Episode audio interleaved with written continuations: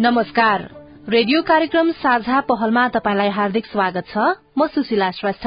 अनि म अविनाश आचार्य। कार्यक्रम साझा पहल महिला लैंगिक अल्पसंख्यक अपाङ्गता भएका व्यक्ति र सीमान्तकृत समुदायमा सूचनाको पहुँच पुर्याउने उद्देश्यले तयार पारिएको कार्यक्रम हो। अहिले कोविड उन्नाइस नियन्त्रणमा आएको जस्तो देखिएको छ तर यसले महिला तथा सीमान्तकृत वर्गमा आर्थिक सामाजिक तथा मानसिक रूपमा गहिरो प्रभाव छोडेर गएको छ। कार्यक्रममा हामी लैंगिक समानता र सामाजिक समावेशीकरण जेसीको दृष्टिकोणबाट अब आउने कोविड जस्ता महाव्याधि र विपदसँग सम्बन्धित प्रभावकारी तयारी प्रतिक्रिया र पुनः प्राप्तिको बारेमा छलफल गर्नेछौ। लैंगिक समानता र सामाजिक समावेशीकरण दृष्टिकोण भन्नाले हामी यस कार्यक्रममा महिला सीमान्तकृत वर्ग बाल बालिका ज्येष्ठ नागरिक अपाङ्गता भएका व्यक्ति एकल महिला लैंगिक अल्पसंख्यक विभिन्न हिंसाबाट प्रभावित भएका महिला तथा किशोरी दीर्घरोगी गर्भवती तथा सुत्केरीका सवालहरूलाई प्राथमिकता दिनेछौ। सँगै लैंगिक हिंसा तथा जातीय विभेद मानव बेचबिखनबाट प्रभावित भएका व्यक्तिहरू सामाजिक आर्थिक तथा नागरिक अधिकारबाट वञ्चित भएका व्यक्तिहरूको भोगाई उनीहरूका अपेक्षा पुनरूत्थानका लागि सरकारवालाले के गर्न सक्छन्? विज्ञ संघको परामर्श साथै सरकारका योजना लक्षित वर्गको पहुँच र कार्यान्वयनको अवस्थाबारे खोजी गर्नेछौ। साथै कोविड बारे फैलिएका अफवाहहरू भ्रम र गलत जानकारीलाई सम्बोधन गर्दै विज्ञ संघको सवाल जवाफ पनि प्रस्तुत गर्नेछौ र सबैको पहुँचमा आवश्यक सूचना पुर्याउने प्रयत्न गर्नेछौ। युएन ओमनको सहयोगमा ल्याको नेपाल र अकोराबको साझेदारीमा उत्पादन गरिएको कार्यक्रम साझा पहल सीआईएन मार्फत सामुदायिक रेडियोबाट देशैभरि सीआईएन खबर डट कम र मोबाइल एप सीआईएनमा पनि चाहेको बेला तपाई विश्वभरि नै सुन्न सक्नुहुन्छ। साथै सीआईएनको फेसबुक पेजमा गएर सांकेतिक भाषामा हेर्न पनि सक्नुहुनेछ। कार्यक्रम साझा पहलमा आज विपद संचारमा स्थानीय सरकार र स्थानीय संचार माध्यमको सहकार्यका विषयमा छलफल गर्नेछौ। साथै यही अन्तर्गत आर्थिक रूपमा पुनः प्राप्तिका लागि आवश्यक सीप स्रोत साधन र आर्थिक समावेशीकरण सम्बन्धी सवाललाई पनि समेट्नेछौं। कार्यक्रम साझा पहलको अठारौं भागमा आज हामी विपद संचारका लागि स्थानीय सरकारले संचार माध्यमसँग कस्तो साझेदारी गरिरहेका छन्? विपद पूर्वको अवस्था विपदको समग्र अवस्था र विपद पश्चातको अवस्थाका लागि दिनुपर्ने सूचनाको लागि स्थानीय संचार माध्यमसँग स्थानीय सरकारले कसरी साझेदारी गर्न सक्दछ? कस्ता खालको सहकार्य र योजनाको आवश्यक पर्दछ? संचार माध्यमसँग जोडिराखेको अवस्था हो। उहाँहरू रेडियो मार्फत पत्र पत्रिका मार्फत पनि सामाजिक सञ्जाल मार्फत पनि सचेत हुन सक्ने स्थिति छ। आगामी दिनमा विपद संचारका लागि संचार माध्यमसँगको सहकार्यका लागि स्थानीय सरकारका योजना संचार माध्यमहरूले सरकारको सूचना जनता सामु तथा विपन्न समुदायमा तत्काल पुर्याउनको लागि के के गर्न सक्दछन्? बाढ़ीबाट कसरी बच्ने होइन? अब यसको लागि कस्तो खालको पूर्व तयारी अपनाउने भन्ने कुराहरू चाहिँ यो संचार माध्यमबाट नै हो जनतालाई सूचना दिने। त्यस कारणले यसको लागि चाहिँ अब स्थानीय निकायले स्थानीय सरकारले पहल गर्नै पर्छ। विपद संचारका लागि स्थानीय सरकारले संचार माध्यमसँग कस्तो खालको साझेदारी गर्न सक्दछन्? विपद संचारलाई अझ प्रभावकारी बनाउन कसरी सकिन्छ?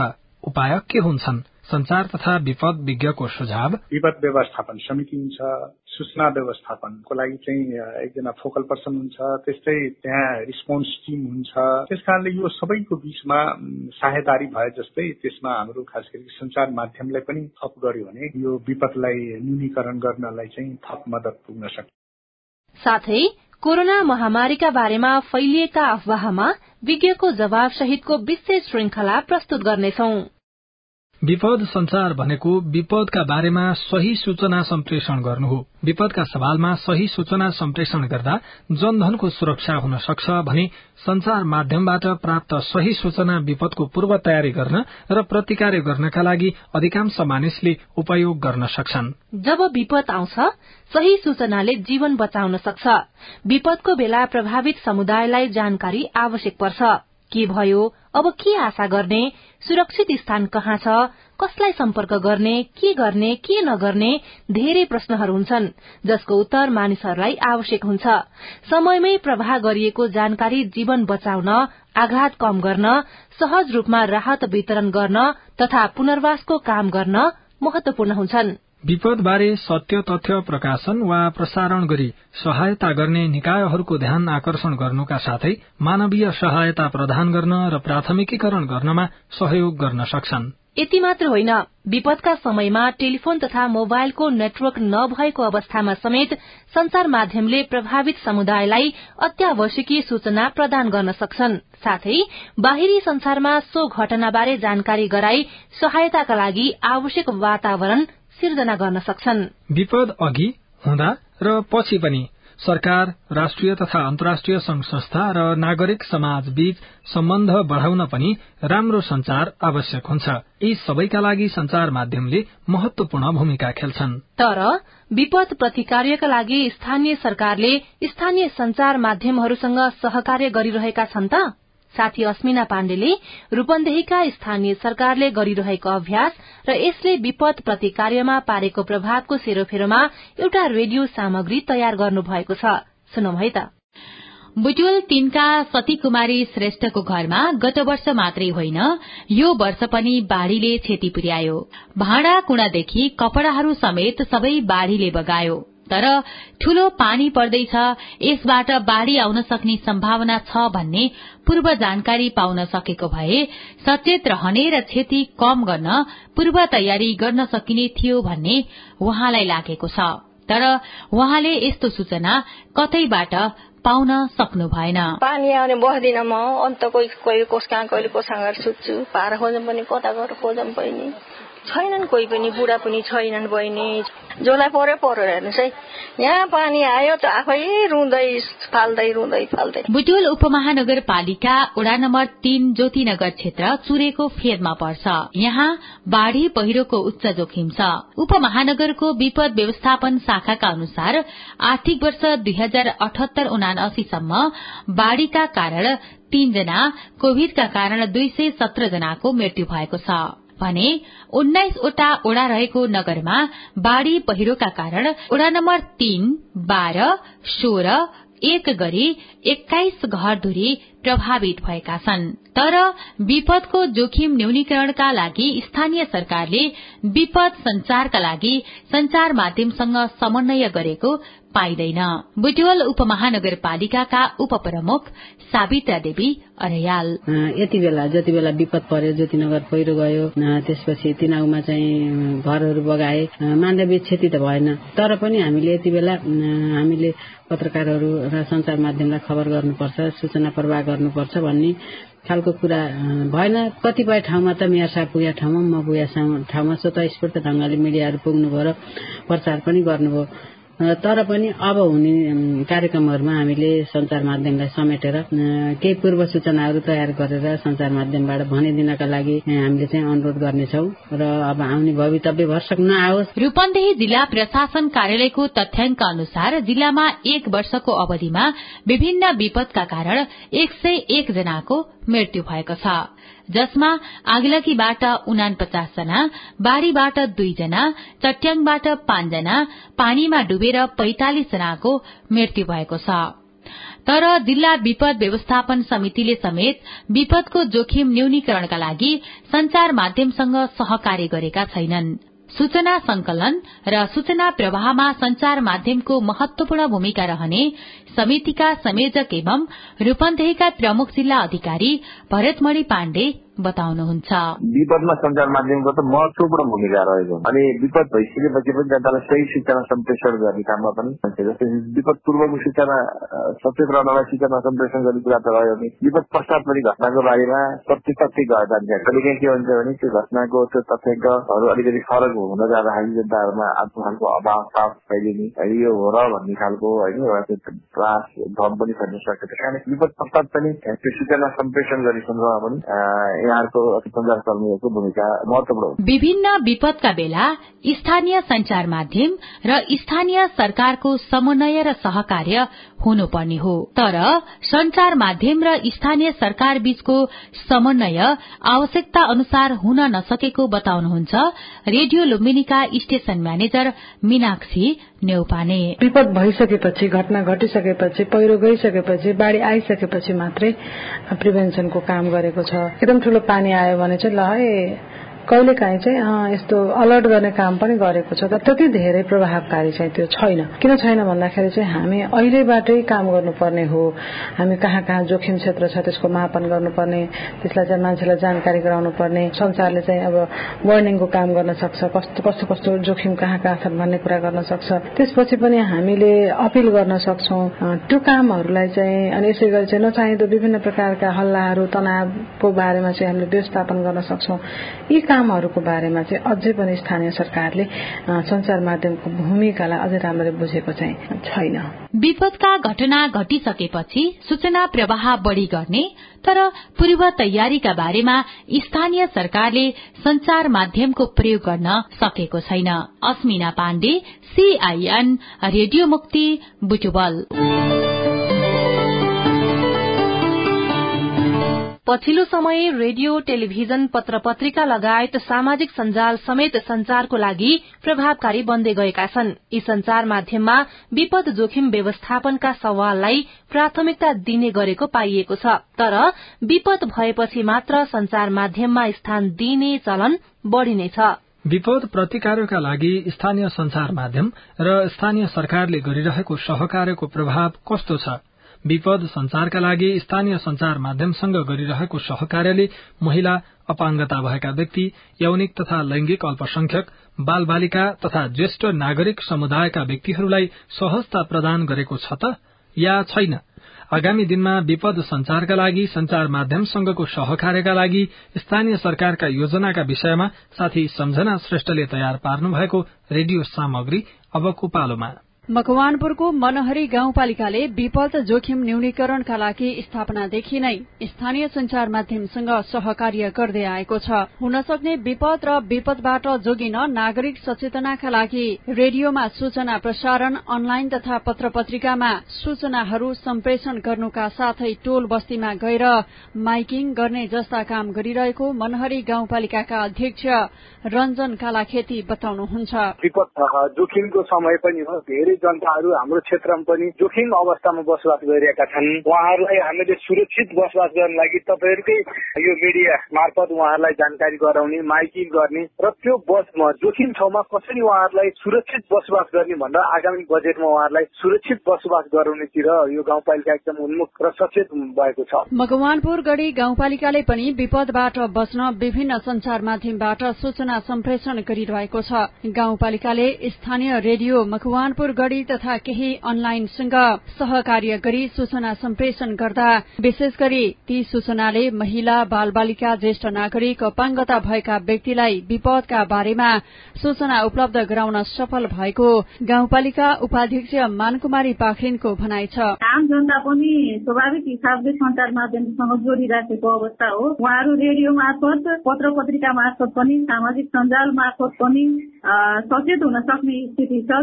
स्थानीय एफएमहरू मार्फत त्यसै गरी मकवानपुरगढी गाउँपालिकामा एउटा एफएम पनि छ मकवानपुरगढी एफएम भन्ने। त्यो एफएम मार्फत पनि सुनेर सूचना लिने पढेर सूचना लिने हेरेर अरूले भनेको आधारमा पनि सूचना लिने काम जनताले गरि नै राखेका छन्। त्यो हिसाबले सूचना लिने कुराबाट जनता चाहिँ अनभिज्ञ छन् जस्तो मलाई लाग्दैन। होस् संचार माध्यमले यसलाई चाहिँ धेरै नै सहयोग गरेको आवाज हामीलाई भएको छ। उत्तर जिल्लाकै बकैया गाउँपालिकाले भने विपद संचारका लागि खासै ध्यान दिएको छैन। पालिकामा चट्याङका कारण वर्षेनी जनधनको क्षति हुने गरेको छ। यसबाट कति मानिसको मृत्यु भएको छ भन्ने तथ्याङ्क छैन तर पालिकाले विपद संचारलाई किन प्राथमिकतामा राखेको छैन?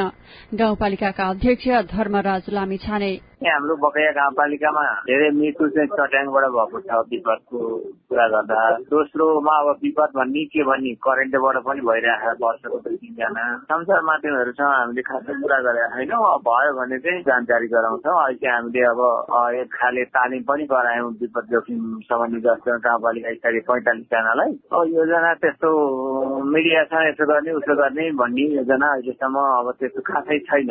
आगामी दिनमा सञ्चार माध्यमसँग सहकार्य कसरी बनाउनुहुन्छ? अब हामी बसेर सल्लाह गर्दै जान्छौँ। दसवटा स्थानीय तह रहेको मकवानपुरमा प्रायले सञ्चार माध्यमसँगको सहकार्यलाई प्राथमिकता नदिएको पत्रकार महासंघ मकवानपुरका पूर्व अध्यक्ष हरि हुमागाईको भनाइ छ। विपदका बारे सही सूचना नपाउँदा समेत जनधनको क्षति हुने गरेकोमा महिला बाल बालिका अपाङ्गता भएका व्यक्ति तथा सीमान्तकृत समुदायमा सहज रूपमा सूचना उपलब्ध गराउन स्थानीय सरकार लाग्नुपर्ने उहाँको भनाइ छ।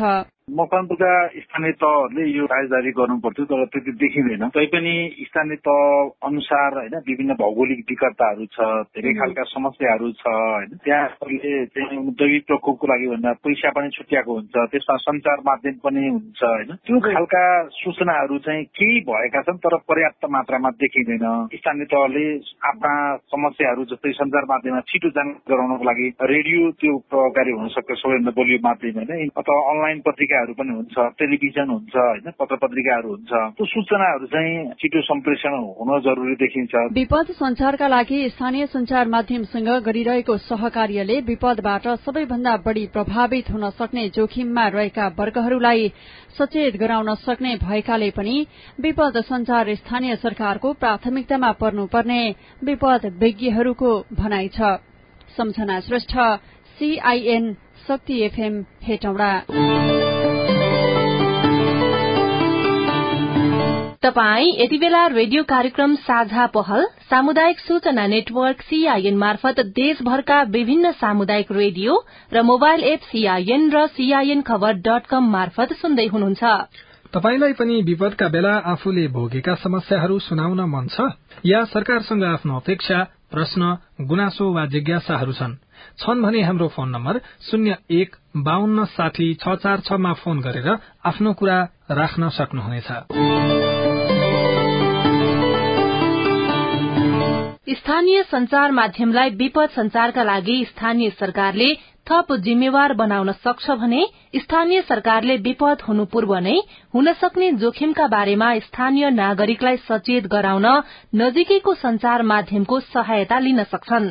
विपदको जोखिम कम गर्न अहिले नेपालमा उपलब्ध रहेका विभिन्न संचार माध्यमहरूको अधिकतम उपयोग गर्दै ती सूचनाहरूलाई नागरिक समक्ष पुर्याउन सरकारको दायित्व हो भने संचार माध्यमको जिम्मेवारी पनि हो।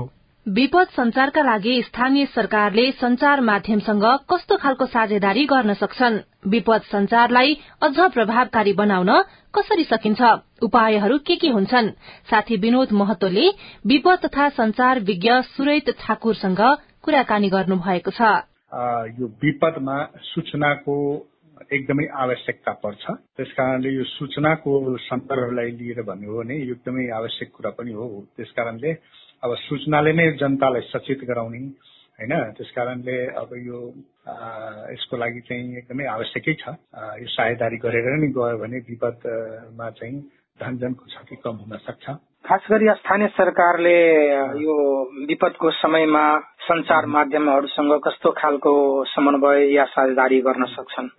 यो चाहिन्छ अब अहिले बाढीको कुरालाई लिने हो भने अब यो बाढीबाट कसरी बच्ने होइन? अब यसको लागि कस्तो खालको पूर्व तयारी अप्नाउने भन्ने कुराहरू चाहिँ यो संचार माध्यमबाट नै हो जनतालाई सूचना दिने। त्यस कारणले यसको लागि चाहिँ अब स्थानीय निकायले स्थानीय सरकारले पहल गर्नै पर्छ साझेदारी गरेर अगाडि बढ्यो भने। जस्तो कि खास गरिकन अब स्थानीय स्तरमा हरेक स्थानीय तहमा चाहिँ विपद व्यवस्थापन समिति हुन्छ सूचना व्यवस्थापनको लागि चाहिँ एकजना फोकल पर्सन हुन्छ त्यस्तै त्यहाँ रिस्पोन्स टिम हुन्छ।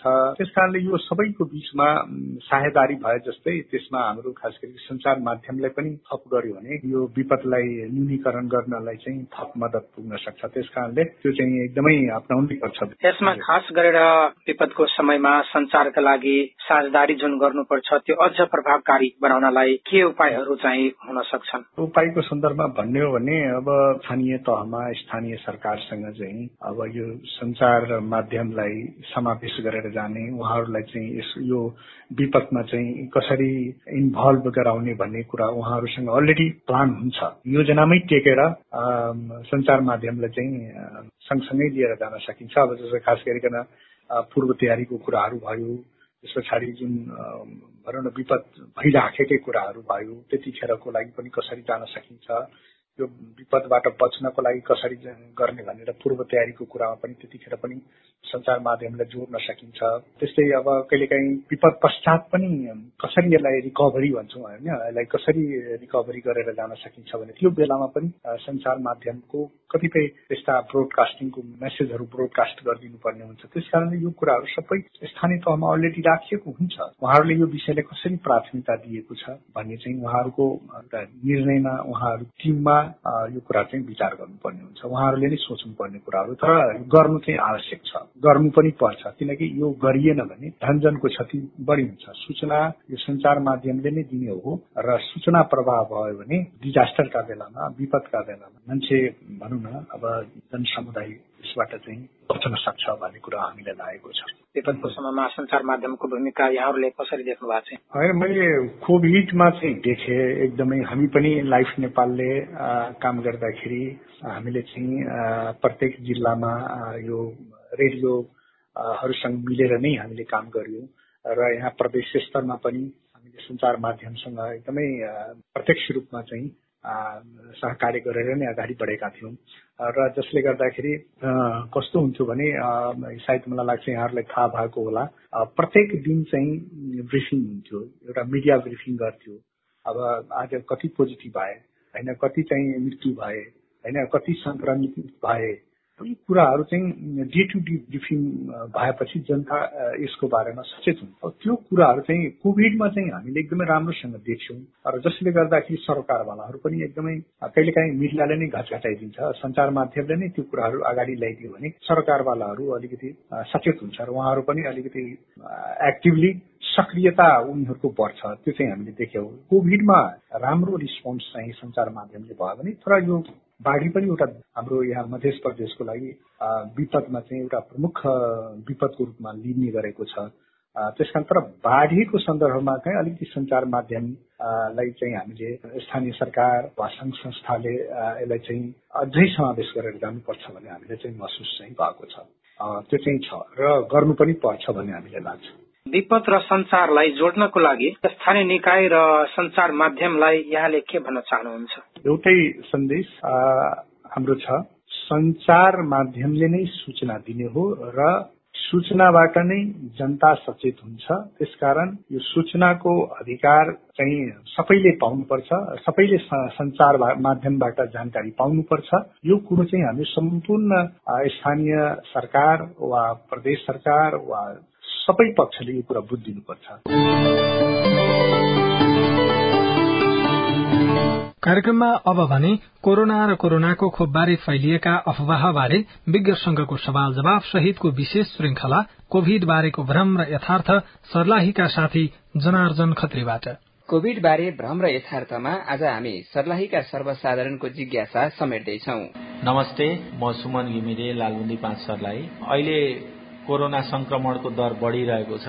हामी दुई वर्ष अघि यही कोरोनाको कारणले गर्दा बन्दाबन्दीमा पर्यौं।